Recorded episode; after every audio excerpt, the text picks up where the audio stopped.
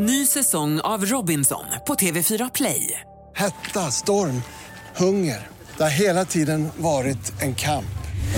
Nu är det blod och tårar. Fan händer just nu. Det. är Detta är inte okej. Robinson 2024, nu fucking kör vi! Streama på TV4 Play. Nice. Då eh, vill du göra introt då eller? Kompis som tog inne på restaurang och bakgrund i arg. Så, det, så det är inte så avancerat som det ser ut. Då blir jag ännu mer sugen på att gå ut och köpa en sån iPhone. För om- jag... Alltså jag bor ju mitt i skogen och jag ska ha nya grejer. Men eh, och jag har haft då, ja, och inte, yes. ja, men kom in på något sånt där sen ja, väldigt många år tillbaka. Och min kära fru har hela tiden påtalat att du, kan inte, du, du måste köpa nya skor nu när du ska gå så mycket. Ja, och sen har jag inte kommit till skott med det där. Men sen så var hon eh, och handlade och så kommer hon hem med ett par nya skor. Och alltså jättefina, dyrt hål i hälen. Insidan. Liksom. Alltså jag har dojorna fyra dagar. Och så är de liksom, de som jag nog sa. Så här. Och då fick jag höra det som jag aldrig har hört som jag skulle vilja bolla med, bolla med dig. Då svarar de där i kassan. Ja, absolut. Vi, kan vi, kan, vi, vi byter såklart de här. Men han har väl haft sportstrumpor på sig när han har gått. Och jag blir så här, sportstrumpor? För, ja, och då svarar väl hon lite snabbt att ja, det har han. Eh, det har han nog. Eller vad hon nu svarar. Eh, och sen kommer hon hem till mig med ett par nya skor. En annan modell. Och- för att jag känner att och sportstrumpor. Och sportstrumpor. Och jag blir så full i skratt nu. För nu varje gång jag ska gå så ska jag ha. Men nu, jag skit Alltså jag tänker inte ha sportstrumpor varenda gång. En sko måste väl för fan hålla utan sportstrumpor. Och vart står det? Det står ingenstans där man köper de här dojorna att eh, måste brukas med sportstrumpa. Det har jag liksom aldrig sett. Och det var liksom, påstår de, villkoret på den här Intersportaffären för att man ska kunna göra en reklamation är att man då har använt sportstrumpor. Och jag tänker för dig som, som, som har kommit igång och springer så mycket, har, har du hört talas om detta? Och vad anser du om det här? Är det inte helt galet? Jag tänker på det här varje dag när jag sätter på mig mina jävla Oj. nya skor. Oj. Eh, det var ju många frågor i ett där då. då. Eh, men om vi ska börja i början så här. Ja, jag har sportstrumpor och det har jag blivit pålurad någonstans. Och det, jag tror från början att jag, att jag köpte det för att det skulle vara något minska slitaget på min, på min fot. Men sen så var det väldigt tydliga med och det kommer också öka livslängden dramatiskt på dina, på dina löpskor. Liksom. Det, det liksom framhöll man men jag upplevde nog aldrig att det levererades som ett krav för att man ska kunna jag menar, om jag har en dator då är det ju så här villkoret för att garantin ska gälla det är att jag inte har skruvat isär den och hållit på och petat in några egna delar. Liksom. Det, det Ja. kan jag ju förstå. Men en Det doja. Det finns ju ingen annan sko jag köper där det är krav på en specifik strumpa eller jag får inte ha en för vast pressväck på byxorna för då gäller inte garantin på dojorna utan en doja ska väl klara att gå i tänker jag. Det, det, det, Ja men visst Men är det de hade- galet att man, alltså, och det måste ju framgå tydligt. Men jag, för, mig, för mig var det mest en rolig grej, alltså, det har vi kört Ja. med det där liksom. Men, Ja. men det är ju lite här, ja nu fick jag ju ett par nya skor och eh, nu har jag ju sportstrumpor. Jag behöver inte vara någon sån näsvis med det där. Men, men det känns lite fånigt man har haft ett par andra skor i åtta år. Jag har liksom inte tänkt på vad jag har haft. Jag kunde ha haft sockerplast i dem eh, Mm. utan att det har hänt något. Liksom. Så att eh, man blir mest bara Men du, bra. vi ska sluta prata sportskor för vi fick skäll här om avsnittet för att vi pratade 16 minuter skägg innan vi kom in på ekonomi. Ja, då, då, att- då släpper vi skor. Bra. Men, Mm. men idag blir det tvärtom. Idag ska vi prata skägg tänker jag. Ja, det ska vi ju bitvis i alla fall. Ja, ja. Ja. Vill, du, Och- vill du berätta hur det kommer sig att vi sitter här med, med eh, en eh, liksom frisör, ekonom? Ja, Hur precis. blev det så?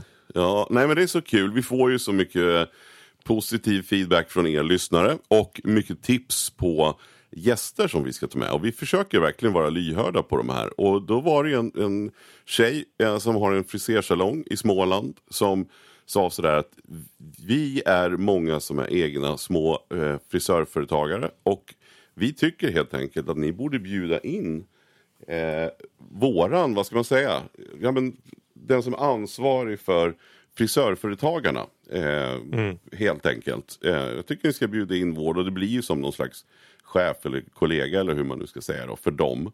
Eh, så att bjud in Ted, Ted Gemsell och vi kände så här, ja varför ska vi inte göra det för? Det är klart vi gör. Och sen ska vi snacka om det. Och frisör och småföretagare och sådär. Så att, eh, och Ted han var ju snabb som blixten och svarade att det är klart jag är på.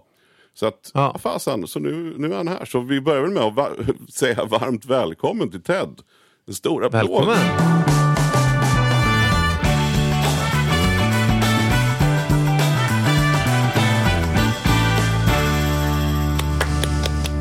Tack så jättemycket. Tack så jättemycket. Kul att vara här.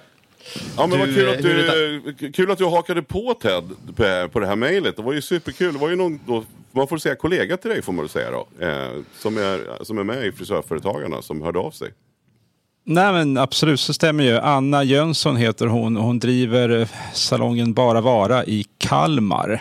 Eh, och tack så mycket Anna för att du eh, pitchade mig till den här podden. Eh, jättekul att vara här. Och jag och Anna är ju faktiskt gamla kollegor när vi båda jobbade på Björn Axén under en tid. På tidigt 2000-tal.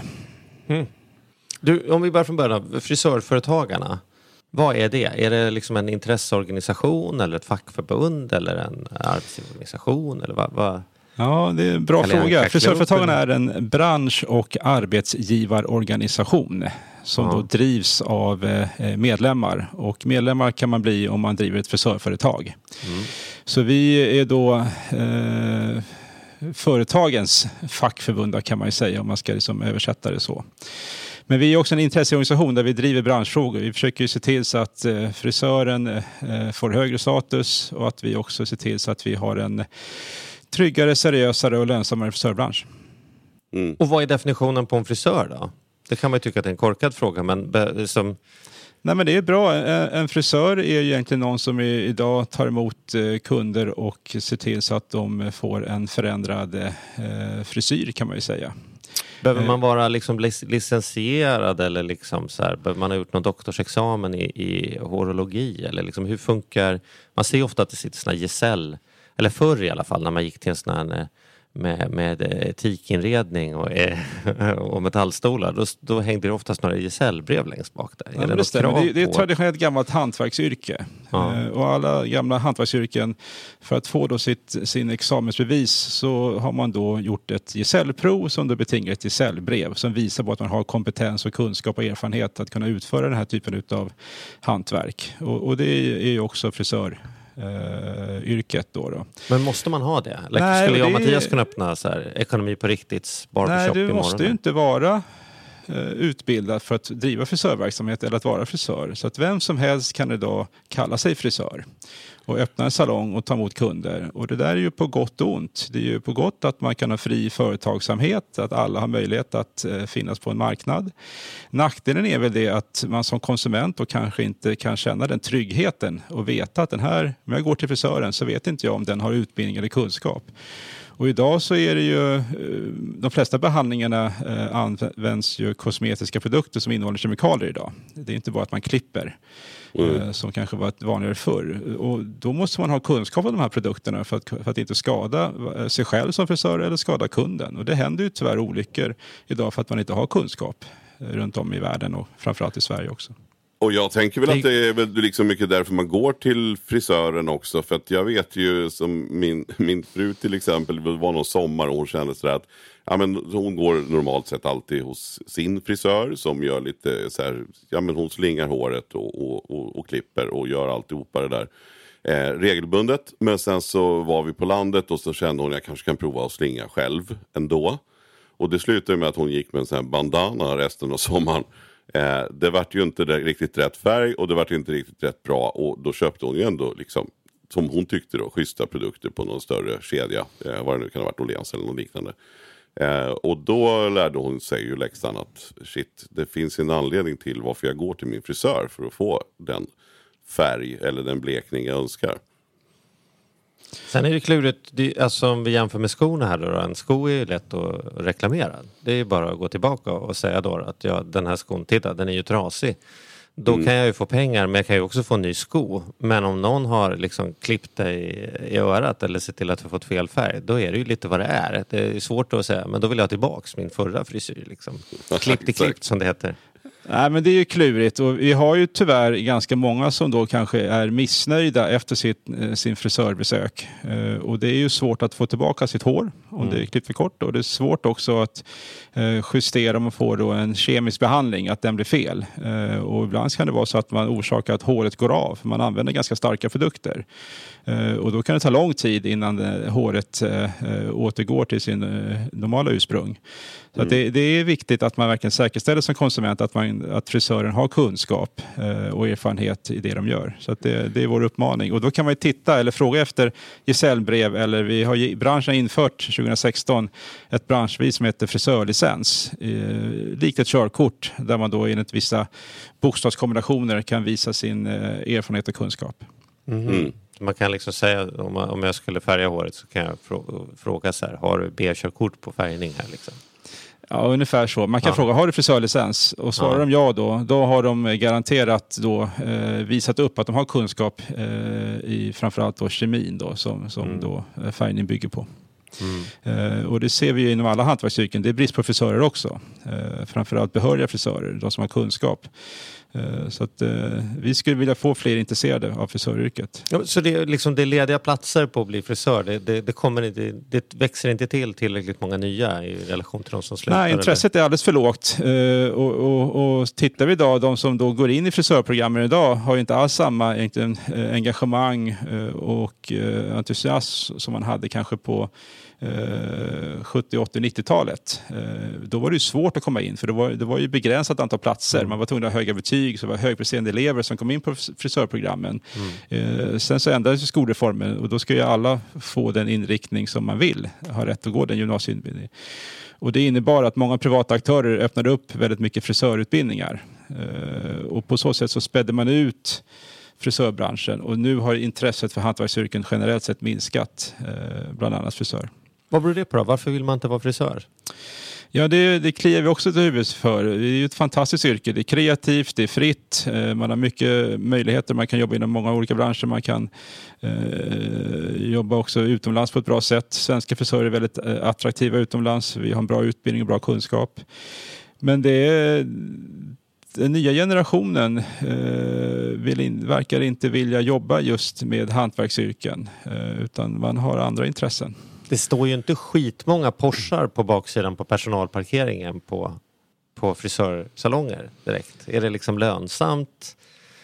Kan- man vänta sig en rimlig liksom, Man kan väl säga så här att, jämfört med att bli förskollärare eller jämfört med att bli, läsa IT och bli någon programmerare? Eller Mm. liksom? Ja, men det som är positivt med frisörbranschen är att som frisör så påverkar du din egen lön i, i större utsträckning. Är du jobbar inom barn och omsorg så då har du din fasta lön oavsett vad du gör egentligen. Då. Det är svårt att påverka den. Men, men är du duktig frisör så kan du påverka den med en hög beläggning och sen justera priset. Och ju mer pengar du får in i ditt företag eh, så kan du få, få högre lön också. Så det är ju stor del provisionsbaserat. Eh, Jo men jag Men det tänker klart. att det, att det borde kunna vara riktigt bra. Jag menar det har man ju tänkt på många gånger när, när jag har varit och klippt mig. Och jag har inte haft någon, um, ja men säga en och samma frisör för att jag också flyttat och sådär. Men, men då har man ju känt ibland, jag menar min, min frisyr som jag haft har ju kanske tagit en kvart och man betalar Eh, ibland då sådär 700 spänn och sen har jag i och för sig hittat några frisörer för 300 och sådär. Men,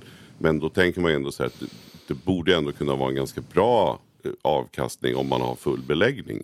Eh, så måste man kunna tjäna riktigt bra. Och jag vet ju när min, när min fru går eh, där man också förstår när det är färgning och, och klippning och sådär. Det är ju 2 500 när hon går en gång. Och då hinner ju frisören liksom påbörja färgningar på andra parallellt. Liksom. Det borde ju kunna bli, vara riktigt bra business tänker jag. Nej, men du har helt rätt där. Om man skulle gå in i, som frisör att bara för att tjäna pengar så skulle man kunna eh, jobba effektivt på ett sätt som gör att man skulle kunna få en hög timdebitering. Nu är det inte riktigt, verkligheten är inte sån. Man kan säga att snittdebiteringen per timme är någonstans upp mot 700 kronor kanske. Då, då. Eh, och man har inte alltid full beläggning eh, på dagarna. Så att, eh, eh, men Vad är normalbeläggning? Alltså vi, vi säger så här att när vi, vi räknade på det här för kanske tio år sedan så var beläggningen ungefär 70 procent, den debiterade beläggningen. Eh, Den upplevda beläggningen är ju nästan 100 procent. Man upplever att man alltid har en kund i stolen. Men, men eh, tittar man då så, men har du verkligen tagit betalt 700 kronor i timmen varje timme du har jobbat? Nej, det visade sig att jag bara tagit betalt för 70 procent av den tiden jag har erbjudit. Då är man nere i 490 kronor. Alltså. Precis, och då är det inklusive moms. Eh, Man tänker ofta inte på det. Många när man jobbar inom eh, företagsvärlden, om man pratar pengar och priser och tim, timdebitering så är det ex-moms. Men Och det här- är 25 procents moms på det är frisör. 25% moms. Så då är vi nere i 400 då? Precis. Ja. Eh, och, och då kan man ju räkna fram liksom, okay, vad, vad är det möjligt att, att få för ersättning och lön. Då, då? Men här kan du verkligen, eh, om man jobbar effektivt som, som du är inne på Mattias, att man eh, som tittar på de äldre frisörerna förr i tiden. Då hade de ju alltid någon som de satt i färg och, och när, när färgen verkade då, då klippte man någon annan. Så man kunde liksom dubbla timpenningen på ett sätt och vis. Eh, idag vill man inte jobba så som frisör utan man vill ha en kund i taget och ge det den tiden. Och när det då kostar 2 500 då har man lagt 3-4 timmar på den kunden. Eh, och, och där ser vi att de här frisörerna som du gick till Mattias, om du betalar eh, 600-700 kronor för 15-20 minuter, de har ju mycket, mycket mer möjlighet att tjäna bra med pengar. De har inga omkostnader heller. För på de här kemiska behandlingarna, där har du produktåtgång också som du måste ta hänsyn till. Vad, vad kostar det då? Om jag går in och säger så här, nu vill jag ha lila hår inför sommaren här. Så, så hur mycket kostar det salongen? Alltså är det två kronor för dem att, att färga mitt hår i, eller är det så att det kostar dem 500 spänn bara att... Liksom, Nej, jag skulle säga genomsnittsproduktkostnaden för att hantera eh, en, en färgförändring kanske ligger någonstans mellan 100 och 150 kronor. För frisören, ja. För frisören. Mm. Så man tjänar ändå mer per timme på det än vad man gör på klippning? Man nej, men alltså, nej, jag skulle säga att, att eh, klipp, klippningarna är de mest effektiva. Där tjänar du mer pengar per, tis, per tidsenhet. Mm. Eh, Det är lättare också att eh, eh, jobba snabbare i en klippning än vad det är i en färgbehandling. För det är en viss applicering och det, den ska liksom verka, så det, tar tid. Och där kan du använda värme och sånt som påskyndar den här processen. Då. Men det finns potentiell utveckling där att få ner behandlingstiden på färgbehandlingar, absolut, för att kunna få en bättre omsättning.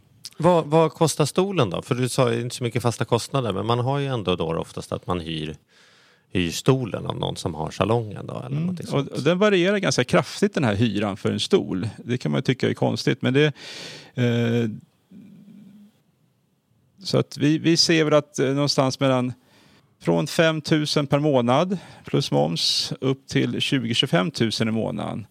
Eh, och här ska man ju då titta på att om jag då ska hyra en stol så börjar jag titta på vad är det för prissättning på den här salongen, vad är det för image, vad är det för kund, kundtäthet så att säga. Som gör att det är viktigare att jag ser till att jag kan tjäna mycket pengar där än att jag har en låg hyra egentligen. För att ha, vara på en salong med låg hyra där det är lite kunder och man tar lite betalt, då, då, då kan jag inte bygga ekonomi. Det är mycket bättre att vara på en salong där jag kan ta bra betalt och ett högt kundflöde. Men är Så det så då- generellt då att, att, man, att man betalar en månadshyra? Det är ingen provision eller Alltså om man ska säga det vanligaste, jag förstår att det finns olika varianter men, men är det vanligt att hyr man en stol då har man tillgång till lokalen, eh, till, till liksom varumärket på den här salongen och, och man, man har, sen har man sin egen sax typ. Men sen ingår eh, allt annat liksom. Är det, är det så det brukar funka? Ja, men det absolut vanligaste upplägget då för en företagare i frisörbranschen. Man är ensam, man hyr en stol, man har hyreskostnaden och sen betalar man för de produkter man använder på sina kunder. Det är den rörliga kostnaden så att säga.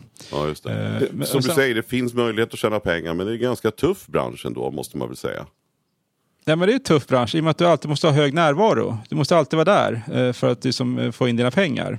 Eh, För det är din tid du säljer och du kan ju bara sälja, en, sälja på en kund i taget. Det är inte som en skoaffär, alltså att okej, är någon sjuk så då kan någon annan sälja din sko. Det är ingen annan som kan klippa din kund om du inte är där. Så det, det, det är en utmaning och därför är väl egentligen frisörer generellt sett mindre sjuka än andra. Om man tittar på den statistiken, även om det är ett är ett slitsamt yrke så, så har man hög lojalitet- mot sina kunder. och Man tar stort ansvar och, och man brukar också eh, vända ut och in på sig själv för att tillfredsställa kunden. För om kunden ringer, hej jag behöver klippa mig nu. Ja men jag har ju fullbokat här tre veckor. Nej, men jag ser för jävligt ut, säger kunden.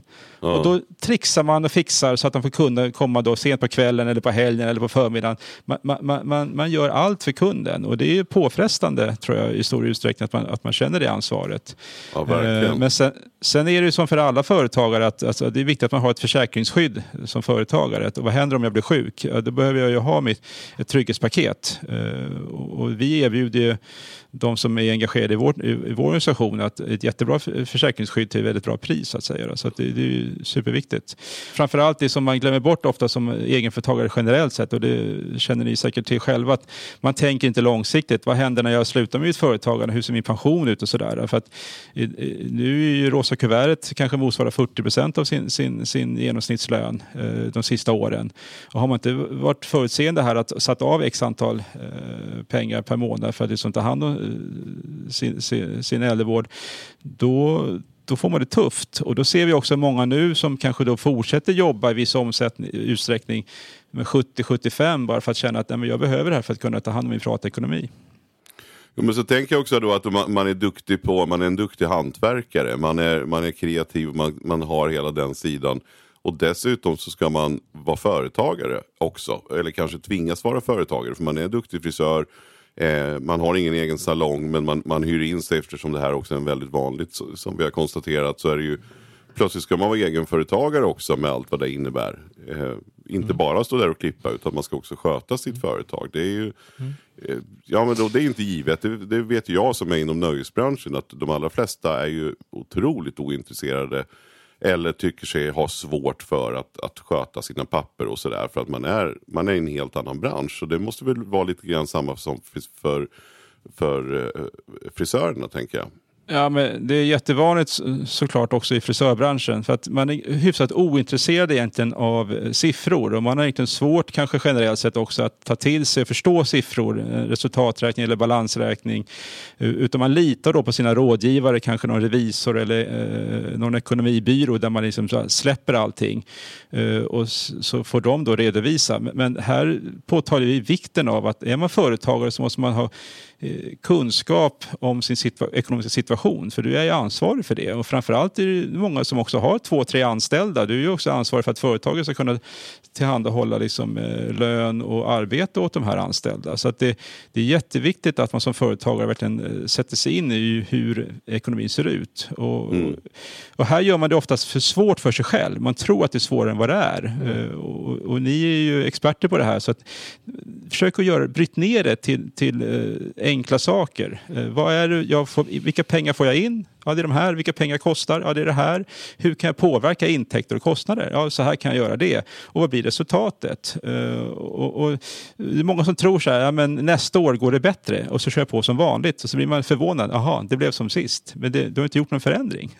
och då blir det ju så. Eh, så att det här är ju viktigt att man tar det ansvaret. Eh, men, men eh, frisörer Men är det här är ni ju... kommer in också, har eh, ni på frisörföretagarna då, har ni några, jag tänker så här, alltså, hur, kan, hur, hur kan ni hjälpa frisörerna ute i landet med, med det här då? Hur, hur, och stötta?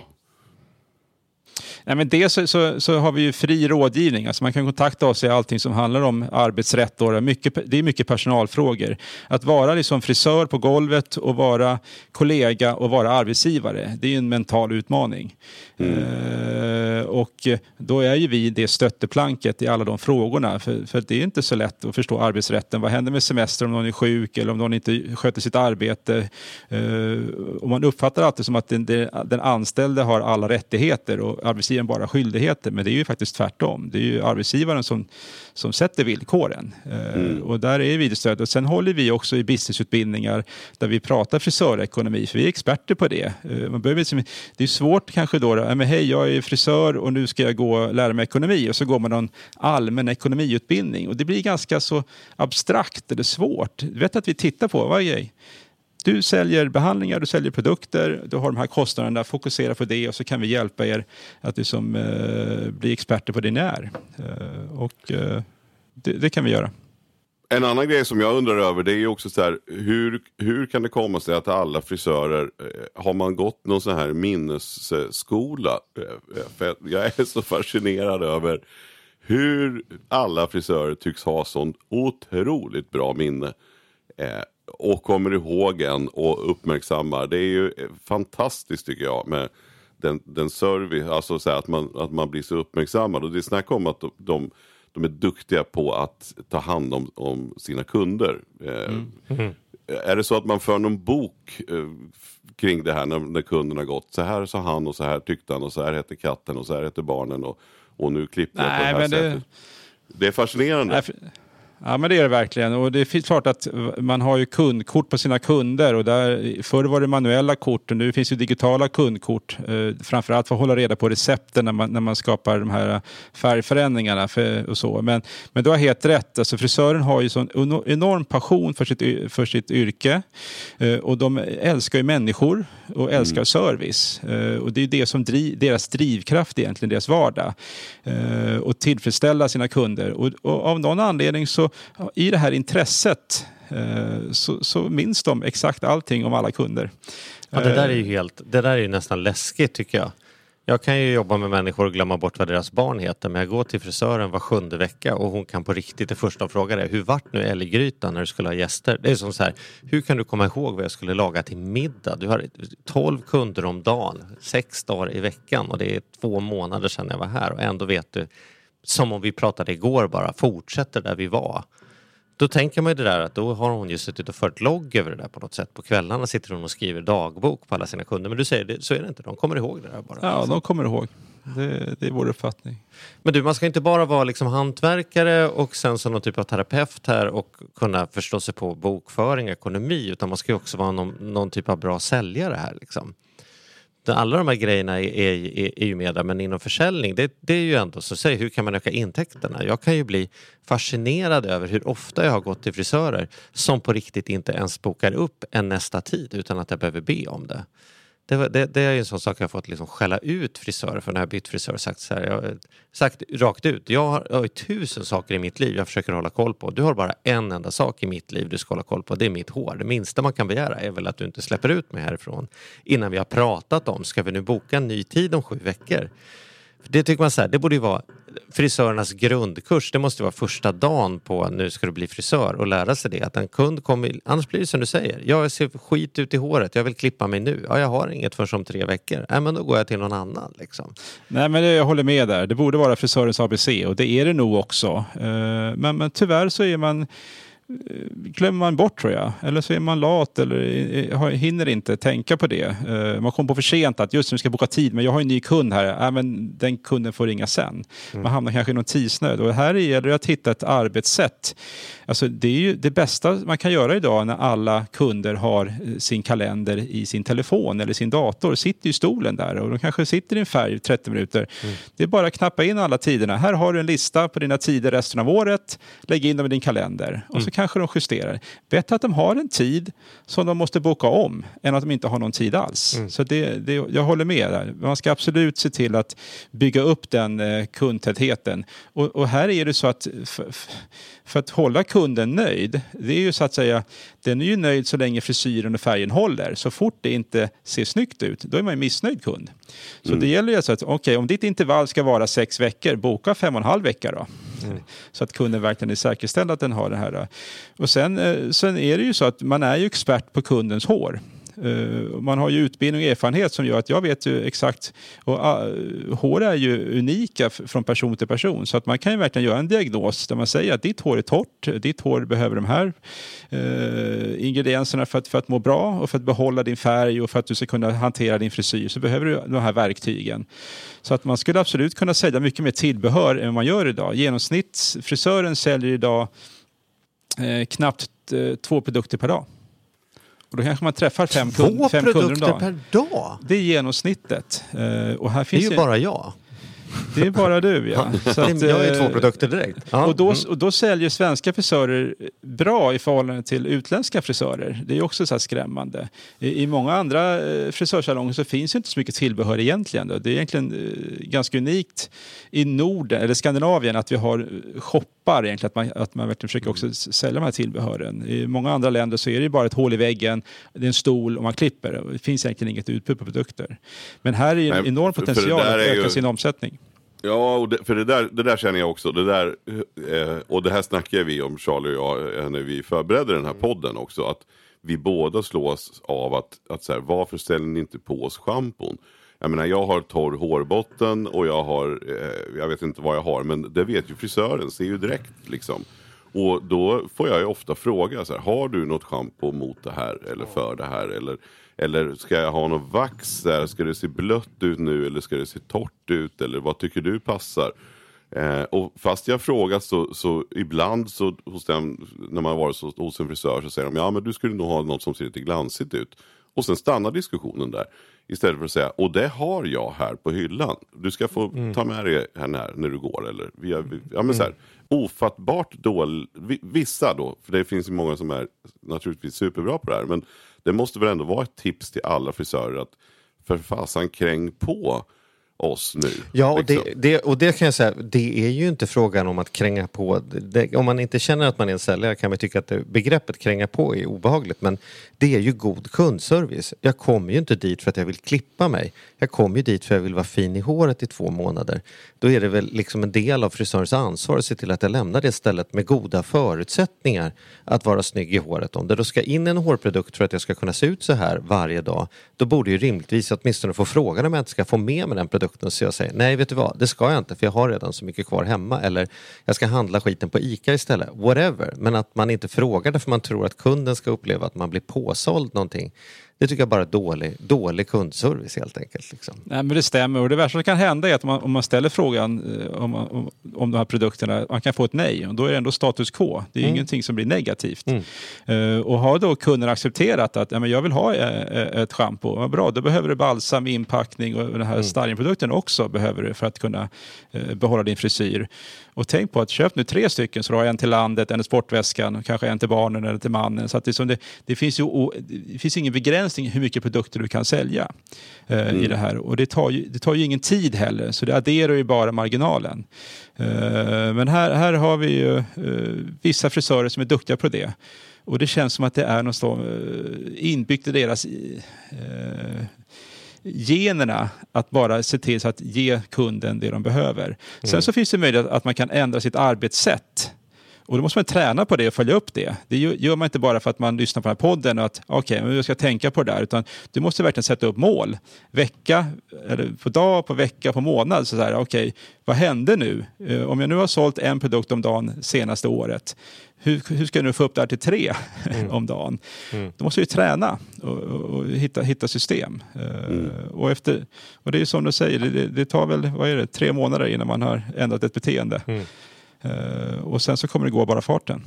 Är det någon skillnad på produkter? Kan man säga så? Att de produkterna som är på en salong är bättre produkter än vad jag kan handla på ICA? Liksom? Kan, man, kan man påstå sånt eller är det bara att det är något flashigare märke men det är samma fyra ingredienser i alla fall? Liksom? Alltså det, man säljer ju professionella produkter på, på frisörsalonger och frisör, frisören som driver en frisörsalong har kunskap eh, som gör att de har rätten att köpa de här produkterna och, och saluföra dem.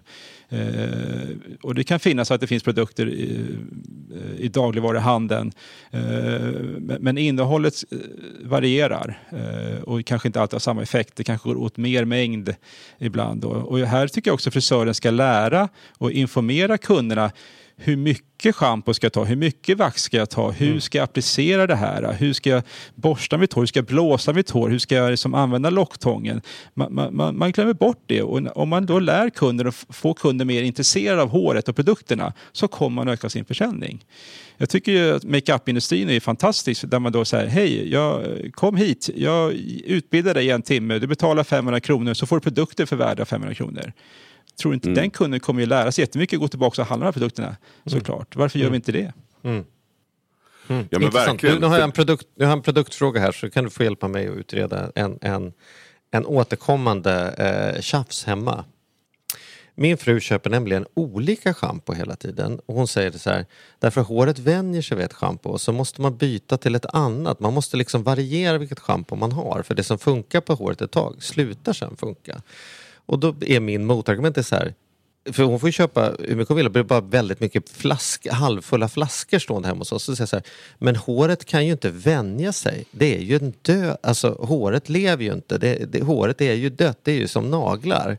Hur är det? Kan man ha samma schampo i 22 år eller blir det faktiskt så att håret vänjer sig vid ett visst schampo? Nu, får, nu är du heta stolen här. Ja, det var en jättebra fråga. Jag känner igen det där. Och nu är jag ju inte utbildad frisör, så jag har ju inte gesällbrev eh, och har inte läst den här kemin i detalj. Jag har ju eh, annan erfarenhet eh, från branschen. Så att, jag skulle nästan, det där Pass. frågan skulle du ställa till din frisör. Ja, jo men det är svaret är ju förstås, då ska man ju byta nytt schampo varannan vecka. Ja, men jag tror, att, att man, jag tror också att eh, man, man vill nog prova på nya produkter. Man tycker om att testa nytt och så. Eh, men jag tror att det är viktigt att man köper rätt produkter. Eh, för att köper man fel produkter så kan det slita på den färg man har, man har, man har färgat håret med. Vissa produkter kan göra att färgen håller längre. Eh, Men framför allt hur man använder produkter. Jag tror att om man frågar gemene man på stan, eh, vet du hur man schamponerar håret? Mm. Då tror man att man tar massa schampo och löddrar igenom det och så är det klart. Men det är kanske är viktigt hur du applicerar det och hur du masserar in det för att få den effekten. eh, Men jag tänker också då. så här att, att ifall, man, ifall håret vänjer sig, är inte det bra där då? Tänker jag. Om håret vänjer sig. Det är väl bra att man, att, för håret då. Eh, jag, jag, jag fattar inte varför det skulle vara dåligt att håret vande sig. Jag vet inte, enligt Andreas så är det i alla fall inte lika effektivt efter ett tag. Men det här har ju å andra sidan varit bra för att mitt svar på frågan vad använder du för, för schampo har ju varit det, så att det Andrea inte använder längre har ju varit mitt standardschampo. Så att jag har ju luktat olika varianter av ros och viol och grejer såna i, eh, i håret. Fram Men tills nu, märker du inte då, då när du använder olika typer av schampo att det får olika effekt? Att det blir tjockare eller Nej. lenare eller att det blir Nej. svårare att styla? Nej, jag har faktiskt inte tänkt så mycket. Mitt hår är, är tuff, tuff jobbat alltid. Så att säga. Men, men nu har jag faktiskt min egen produkt, så nu börjar det bli trångt i duschen. Nu ska jag få större duschhylla. För nu har Men vi kanske ska göra så här då. Vi, alltså, vi har ju, vi, vi, alltså ni som är frisörer där ute och kan det här. Kan, inte ni bara, kan Ja. inte ni bara dra ett, ett mail till oss på charlie och Mattias gmail.com. Alternativt eh, skriv gärna på vår Instagram som heter Charlie och Mattias. Eh, gå gärna in på Instagram och, eh, och kommentera och förklara om man ska byta schampo eller om, man, om det är bra att håret vänjer sig eller inte. Jag blir alltid så Ja. för jag tänker alltid på den här gamla Hassan, eh, Hassan eh, grejen om man ska För ha fett för hår. fett hår. Ja, precis. Eller mot fett hår. Mot fett hår. Ja. Ja. Ja, men det, det skulle vara intressant att veta faktiskt. För jag tänker också så här. Och det är väl det också menar jag som talar för ändå att man har en frisör. Att alla måste ju klippa sig. Eh, inte alla, men de allra, allra flesta måste ju regelbundet gå och klippa sig. Det borde ju, om man gör rätt som frisör så har man ju förmodligen sin klient eller sin kund hur många år som helst. Eh, Nej men det stämmer. Man, man ska bygga upp sin kundkrets som är lojal och det gäller att boka in tid så de kommer regelbundet. Och när du har fyllt din, din tid så, så innebär det alltså att när du har för mycket kunder då kommer du inte kunna hålla den kundservicen. Kunden kan inte komma när den borde komma. Och när du har så pass fullbokat, ja men då är det en signal, nu kan du höja ditt pris. Så att nu, och det är på så sätt som, som du får din positiva löneutveckling. Att eh, så fort du är för fullbokad så ska du höja priset. Och då kommer du tappa några kunder, du kommer få några nya kunder och så, kommer, så, så fun- fungerar det så. Och min alltså, lo lojaliteten hittar jag på borde vara jättehög. Man är inte lojal mot sin matbutik eller mot sin eh, sportskoaffär eller mot sin bank på samma sätt som man är lojal mot sin frisör, upplever jag i alla fall. Att det ska ju Nej. mycket till. Det är ju för att jag inte får tid. Det är typ nästan det enda jag kan komma på som Nej, men det stämmer. Och tittar man historiskt sett så, så var man väldigt lojal. Alltså då var, ju frisören, de hade ju eh, sin kundkrets eh, och de följde med. in Och båda liksom. gick i pension samtidigt kan man Ja. säga. Då. Eh, Men idag så är kunderna mer otrogna Mm. än tidigare. Dels för att man, man i sina flöden, sociala flöden så ser man att sina vänner och bekanta går till andra frisörer och ser att oj, det finns andra frisörer som är duktiga, så man blir nyfiken där. Och det här att man också nu lättare kan eh, snabbt boka in digitalt Mm. gör att man kanske då, ja min frisör var upptagen eh, och normalt sett hade man väntat två veckor. Men här kan man snabbt titta, finns det någon tid någon annanstans? Ja, ja det fanns det, och så bokar man det. Kundomdömen måste ju också vara en sån sak som gör att det är lättare för mig att se vem som är bra. På stan är det svårt att se, bara eh, på skylten. Ja, precis. Och Vem- lita är på. Mm. fortfarande ganska ovanligt i frisörbranschen, men det börjar komma nu. Eh, Det är mycket vanligare inom mat och hotell eh, och nöjesbranschen. Eh, Men det är helt rätt. Mm. Man ska inte vara rädd för kundomdömen. Nej, och sen, sen tror jag att man måste som frisör, och som, ja men inom alla branscher, alltså, jag förstår att det är många, det det finns säkert många som pluppar upp och är alldeles för billiga. Eh, jag tror ju inte att de kommer hålla över tid och jag förstår att det är irriterande för de seriösa hantverkare som som, eh, som, som är duktiga och sen så öppnar en frisering mitt emot och sen så tar de halva priset och sådär. Men jag, jag tror ändå att de, de eh, ja, sådana kommer att komma och de kommer att finnas men jag tror inte att de blir så långvariga. Jag tror, tycker verkligen mitt råd till alla frisörer är ändå att ta, våga ta betalt. Ligg rätt till. För att jag tror de allra, allra flesta, man, man är beredd att betala för den den här otroligt trevliga stunden man får. Där man får bra råd och man får tips om bra schampon. Och, och, man kommer ihåg vilken älggryta man lagade sist och allt vad det nu kan vara. Så tror jag att, som många andra branscher också, att man är rädd att höja priserna. Men man får ju tänka på marginal och hur mycket klienter man har. Så tror jag det är superviktigt att ta, våga ta betalt. Ni gör ett fantastiskt jobb liksom. Och det, mm. det är jag helt övertygad om att kunden är beredd att betala för. Mm. Mm. Ja, alternativet till att höja priset är ju att minska på tiden. Uh, om, man, om man har klippt på en timme och tagit en viss summa så känner man att jag vågar inte höja. Ja, men klipp på 50 minuter då. Mm. Det innebär att du kan få fler kunder den dagen och på så sätt öka, öka priset. Uh, vi har ju gått ifrån uh, behandlingar tidigare där man klippte på max 30 minuter egentligen. Det var egentligen snitttiden för en klippning. Mm. Till att nu är den ju 45 minuter i genomsnitt och många tar ju, lägger i alla fall en timme på, på på, på en klippning. Eh, och då tar man mer betalt. Eh, men det är inte säkert att den som tar 700 kronor i timmen eh, tjänar mer än den som tar 400 kronor för halvtimmen. Mm. Så det, det, är inte alltid priset som avgör hur, hur mycket du tjänar. Utan det är i kombination med hur lång tid behandlingen tar också. Och slutligen, det här är ett råd från mig då. Snälla, snälla, snälla, om du öppnar en frisörsalong prova och döp den till någonting annat än en ordvits. Jag är ordvitsförtjust generellt sett men det, har, det är nog sjukligt med just frisörer. Det, mataffärer heter inte så här Mata Hari eller liksom Dubbelmackan men just alla frisörer ska heta saxofön eller mag, hår, liksom, det, det, Harley Davidson, atmosfär. Det är som så här, man bara går förbi en kavalkad av dåliga ordvitsar. Det är liksom så här, det, jag vet inte vad det är med den branschen som gör att man tänker så här. Det, det måste, det måste vara någonting med rätt skuret eller klippt och skuret. Eller, ja. Cut the crap finns. Cut the crap, cut the crap. Du vet.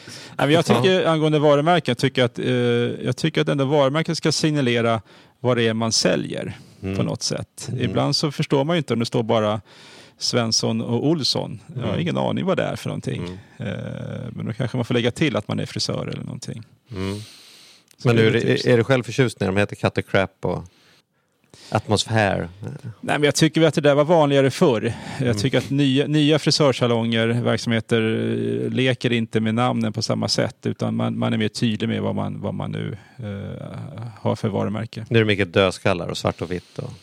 Ja, så kan det vara. Aha. Cutting Aha. edge eller något. Cutting edge, ja. Så. Ja, det här var otroligt spännande att höra om. Eh, och som sagt var, jag, jag är djupt imponerad av alla frisörer där ute som ska sköta mm alla delar och se till som sagt att ha koll på ekonomin. För det kommer att vara av, det är det som är avgörande att få det att funka. Och som sagt, var, var, fortsätt att vara stolta för det ni gör och ta betalt. Eh, och sätt er in i ekonomin. Eh, och om mm. inte annat så kan man ju dra ett mail till Ted då, eller hur Ted? Du gillar ju att, alltså ni kan ju verkligen hjälpa till på frisörföretagen för de som inte vet om det redan. Så, så, eh, ja men alla, alla är välkomna att höra av sig. Absolut. Ja. ja, det är som en dröm. Superkul att du ville komma och snacka med oss. Vad säger Mattias, eh, om man nu lyssnar i frisör, så ni har väl en egen sån frisörpodd va? Ja, jag vet, sitter man oftast, eller står oftast med kund hela dagarna, men man kanske har en bil på väg hem eller cyklar? Ja, man, nu vill lyssna mer på frisörrelaterade eh, inspiration så, så mm. finns ju eh, en podd som heter Hair Talks. Mm. Jag var så orolig Talks var upptaget nämligen. Jag var så roligt vad du skulle säga att det skulle vara någon ordvits här. Så, ja, så, Såklart det var en Hair Talks. Ja. Nej men det, det får jag lyssna på och där pratar vi också ekonomi. Mm. Så att, mm. och inspiration och uh, allting som berör frisörbranschen. Ja, kul, kul. Men mycket tack så bra. hemskt mycket för att du kom hit Ted. Eh, vi bokar in en ny tid om dig redan om sex veckor, redan nu, så att du har den i kalendern. Ja, det är bra. Ja. Tack. Jag, tar med, jag tar med mig saxen då. då. Tack så mycket Ted. Ha det gött. Tack så mycket.